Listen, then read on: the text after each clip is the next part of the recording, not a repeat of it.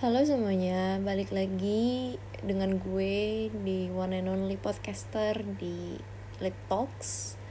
Jadi, akhirnya gue ada waktu luang dan udah sempat uh, brainstorming juga buat uh, ngobrolin ini di podcast. Dan hari ini di siang yang hujan-hujan ini semoga suara hujan dan kipas gue nggak mengganggu ya hari ini gue bakal ngomongin tentang kenapa spirit doll itu rame. Ya, itu pertanyaan pertanyaan gue adalah kenapa spirit doll itu rame? Oke, okay, ya, ya, oke. Okay.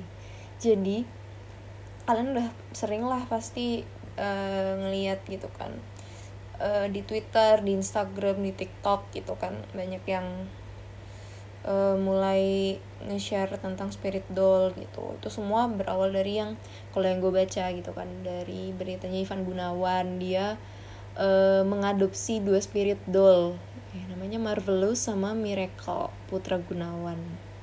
Ya. Uh, dan dia apa dia memperlakukan uh, Marvelous dan Miracle. Gue nggak bilang itu apa ya gue hanya menyebutkan namanya kayak Marvelous dan Miracle itu seperti anaknya sendiri ya whatever the reasons are. Tapi yang gue lihat di Instagramnya dan di berita-berita yaitu dia memperlakukan Marvelous dan Miracle tuh seperti anaknya dan ya udah gitu kan. Ya dia berhenti sampai di situ gitu kan Nah, sebenarnya menurut gue ya, menurut gue um, itu wajar-wajar aja.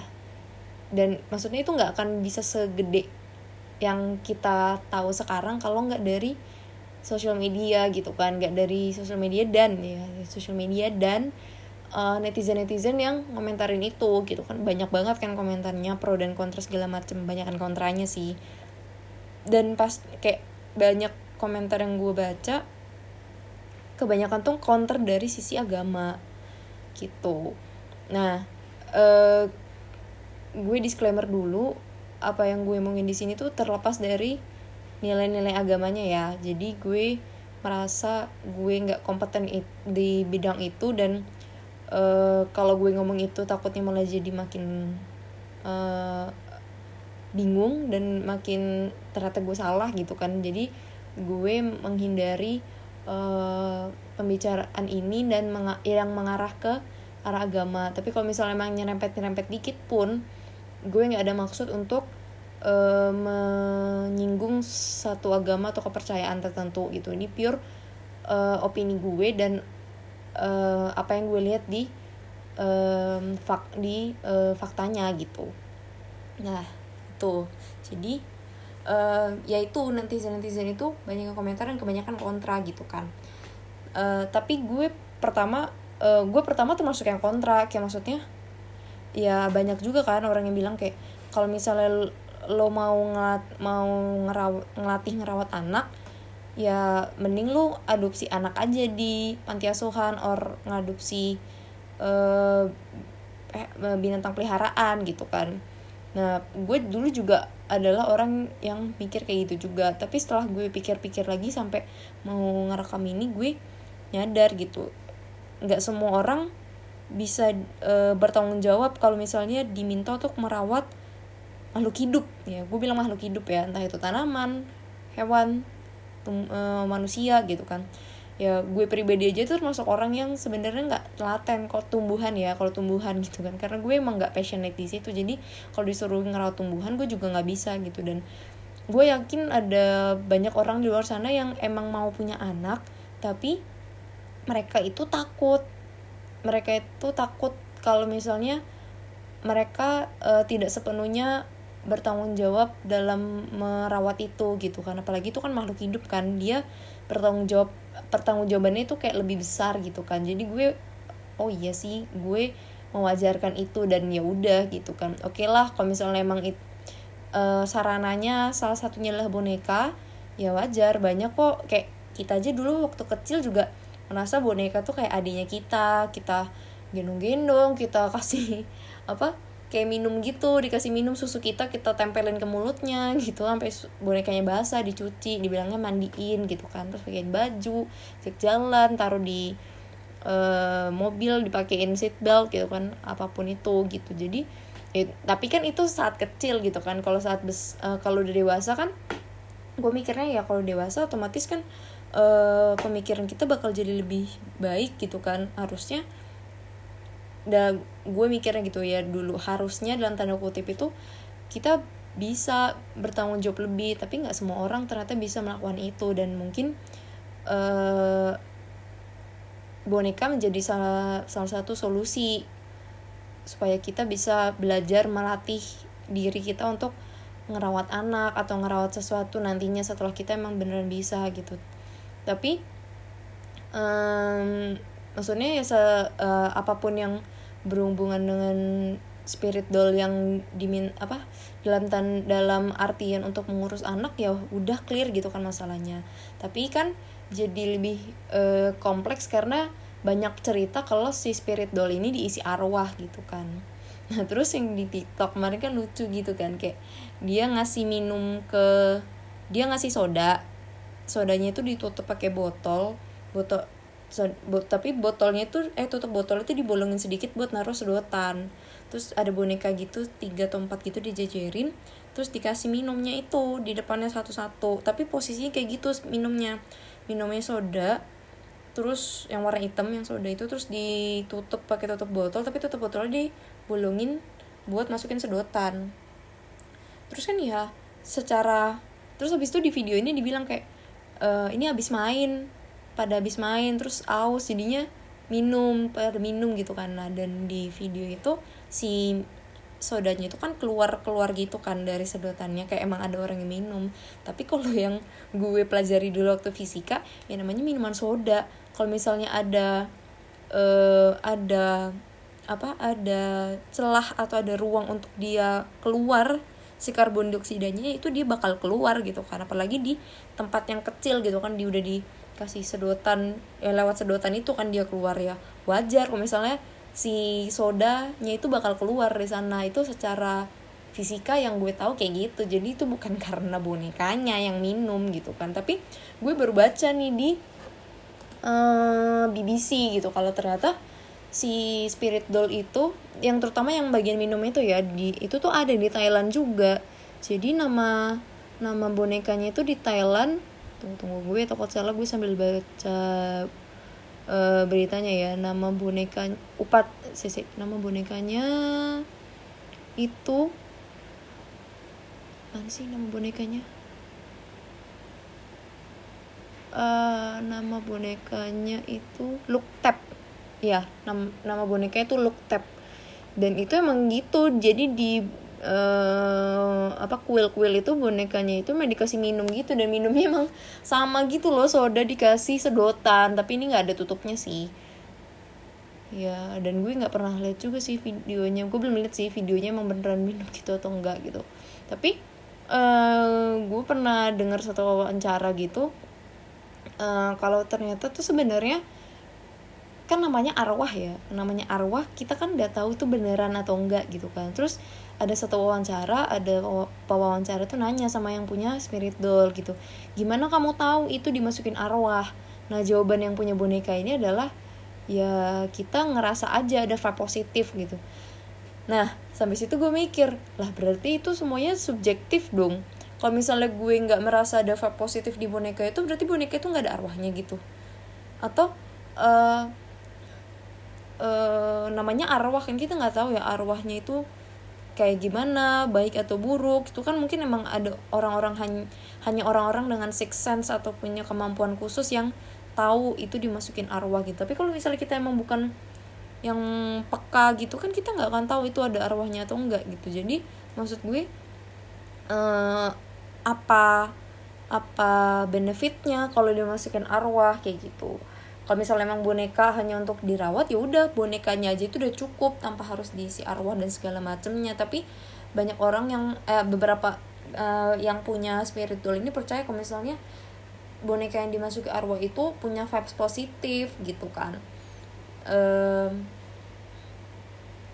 dan itu bawa keberuntungan menurut mereka gitu. Dan itu juga menurut gue membawa keberuntungan atau enggak itu juga subjektif gitu loh. Kayak misalnya itu membawa keberuntungan bagi orang itu. Ya kan berarti dia udah punya mindset dong oh boneka ini bisa membawa keberuntungan. Jadi apa pun yang gue kerjakan itu uh, bakal berhasil gitu ya. Kalau misalnya dia emang udah mindsetnya kayak gitu positif kan otomatis. Kalau misalnya mindsetnya positif apa pun yang dikerjakan akan cenderung lebih baik dongnya pasti bakal berhasil gitu tanpa jadi maksud uh, maksud gue uh, poin gue itu di sini um, sebenarnya menentukan itu berhasil atau enggak ya tetap mindsetnya lu bukan bonekanya gitu loh kalau misalnya lu merasa bonekanya punya vibes positif oke okay. tapi yang tetap membuat lu berhasil tuh ya lu bukan bonekanya gitu kan kalau menurut gue yang merasa ya arwah itu hanya sepersekian kecil dari uh, andil lu dalam sukses nggak nggak berarti karena lu punya boneka lu jadi sukses. Kalau misalnya lu punya boneka tapi lu nggak kerja ya nggak sukses gitu kan. Nah gue takutnya tuh persepsi yang kayak gitu gitu tuh yang bikin orang tuh uh, salah mengartikan gitu. Ya maksudnya kan keberuntungan ke, uh, si boneka ini yang sebagai dianggap boneka arwah yang dianggap sebagai simbol keberuntungan ini nggak akan jadi simbol keberuntungan kalau misalnya lu nggak kerja juga gitu. Jadi um, mulailah untuk menjadi maksudnya uh, mulailah untuk bisa menjadi logis gitu loh. Kan uh, boneka-boneka kayak gini kan udah lama gitu nggak hanya baru sekarang-sekarang aja sekarang-sekarang aja. Dari zaman dulu uh, di apa di jelangkung gitu kan. Walaupun bentuknya nggak kayak manusia atau kayak apa yang di Toraja tuh yang kalau misalnya di depannya di depannya kuburan orang meninggal itu kan ada boneka-boneka gitu juga kan. Dan banyak dan pasti ada beberapa daerah di Indonesia juga yang emang punya kepercayaan terhadap boneka dan ya berarti itu bukan sesuatu yang baru gitu kan. Um, modern atau kuno pun itu kembali ke kepercayaannya kita. Kalau misalnya kita emang uh, yakin boneka itu punya sesuatu impact positif buat kita ya ya udah monggo gitu. Itu kan kayak kena masing-masing sama kayak agama. Kalau lo merasa itu bermanfaat buat lo ya yakini itu. Sisa eh, nggak uh, bisa ya bukan yang bisa di uh, ganggu gugat atau di apa ya di di intervensi secara macam. Itu kan hak pribadi kita sebagai manusia gitu ya. Komit ya termasuk ini kalau misalnya lo merasa spirit doll itu bermanfaat buat lo ya udah monggo nggak ada masalahnya dan ya kembali lagi kayak kasus-kasus yang kayak Ivan Gunawan gitu. Kalau misalnya lo merasa si spirit doll yang mungkin mungkin ya gue garis bawahi gue bilang mungkin atau punya orang-orang kayak siapa? Puri Harun. Emang diisi arwah dan itu membawa vibes positif ya udah gitu. Dan kita yang se kita sebagai orang yang mungkin kontra ya ya udah cukup kita simpen sendiri aja nggak usah nggak usah me, apa ya nggak usah mengganggu mereka yang merasa yakin untuk itu gitu. Kasarannya ya kasarannya kalau misalnya emang itu berdosa pun uh, ya udah cukup di cukup dibilang sekali ya udah gitu. Itu kan kembali ke orang masing-masing. Maksud gue uh, kasarannya kalau misalnya emang itu berdosa pun ya dosanya dia yang nanggung kok gitu. Kenapa lo yang ribut gitu kan? Kalau gue nih kalau gue mikirnya kayak gitu. Jadi uh, daripada lo buat lo pusing-pusing mikirin dia yang ngerawat spirit doll dan menurut lo dia berdosa ya lu mikirin dosa lu sendiri aja gitu. Ribet kan? Dan um, poin berikutnya sih sebenarnya menurut gue adalah karena sosial media balik lagi ke sosial media semua itu karena sosial media. Kalau zaman jelangkung udah ada sosial media pasti rame kayak gini juga gitu. Dan yang kebetulan punya spirit doll ya Ivan Gunawan yang punya followers banyak berjuta-juta di Instagram dan udah verified. Menurut gue justru poinnya tuh di situ yang penting bukan di spirit dollnya tapi di siapa yang punya spirit doll gitu. Gue kan baca kan ulasan di BBC-nya dan banyak antropolog juga yang uh, ada di sini antropolog itu bilang kayak sebenarnya ini tuh udah lama ini tuh udah udah bukan hal yang baru dan harusnya nggak serame ini tapi yang bikin rame itu karena ini tuh dijadi apa ya dianggap sebagai tren tren dalam tanda kutip. Misal nih kayak Ivan Gunawan kan punya spirit doll terus orang yang mungkin belum pernah dengar spirit doll karena namanya mungkin keren aja gitu kan. Padahal sebenarnya boneka arwah sama kayak jelangkung gitu. Tapi karena namanya keren jadi spirit doll gitu orang-orang jadi penasaran apa tuh spirit doll? Terus mereka cari di Google. Terus kan algoritmanya Google pasti tahu kalau misal oh dalam satu hari ada berapa uh, berapa pencarian tentang spirit doll gitu kan. Terus orang yang apa dari wartawan atau dari berita langsung gitu kan oh ini spirit doll lagi rame ayo kita coba cari narasumber yang uh, paham tentang spirit doll. Jadi dihubungi lah jadi muncul lagi nama Furi Harun terus ada orang-orang lain yang ternyata emang punya spirit doll terus menghubungi antropolog menghubungi orang-orang yang mungkin pernah bersinggungan dengan spirit doll sampai orang-orang yang mungkin kayak dia cuman pernah lihat doang gitu loh nggak pernah yang megang atau merasakan sifat positif dari spirit doll itu sampai ditanya-tanya. Jadi orangnya terus berita jadi banyak yang muncul. Habis itu jadi orang-orang jadi baca jadi banyak jadi omongan gitu kan. Terus um, jadi apa timbul pro kontra segala macam ya. Sebenarnya kan algoritmanya sekarang kayak gitu kan. Apa pun yang uh, dirasa menurut orang aneh atau baru itu pasti dicari dan uh, uh, penyedianya akan memberikan ya kayak uh, hukum supply demand itu supply dan demand. Kalau misalnya emang uh, permintaan lagi banyak ya demandnya banyak gitu kan. Kalau misalnya permintaan udah dikit ya demandnya makin lama makin berkurang gitu kan. Eh sebalik ding kalau demandnya makin banyak ya supply-nya jadi makin banyak. Tapi kalau misalnya pas demandnya udah mulai turun udah merasa ah nggak seru nih gitu. Ya supply-nya juga bahkan lama kan kurang gitu kan jadi ya ini sama kayak tren-tren lainnya spiritual itu akan terasa hilang dari peradaban. Padahal ya sebenarnya orang-orang yang punya spirit doll dan meyakini itu ya akan tetap punya itu gitu loh. Hanya terasa hilang hanya uh, karena media itu nggak ngomongin itu lagi netizen tuh nggak akan membicarakan itu lagi nggak akan memperdebatkan itu lagi. Jadi semuanya kan sama aja. Jadi menurut gue uh, spirit doll ini yang sekarang yang sekarang lagi ramai itu ya hanya sebatas tren untuk diperdebatkan gitu loh. Itu tidak akan mengubah orang-orang yang emang bener-bener percaya sama spirit doll gitu.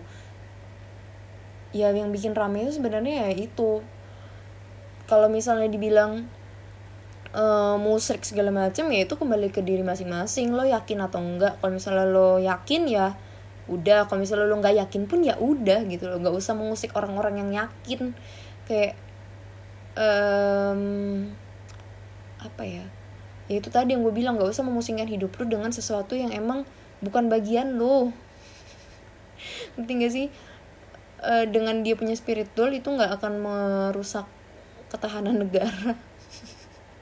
Kalau menurut gue ya kayak uh, ya sekedar mengingatkan pasti kan orang-orang bilang di komen Instagram itu kan sekedar mengingatkan terus komen-komen berikutnya di kalimat-kalimat berikutnya dia uh, mengingatkan sambil menghujat ya itu ya gue paling males sih ngeliat komentar gitu deh Instagram paling banyak. Ih kesel gue orang-orang.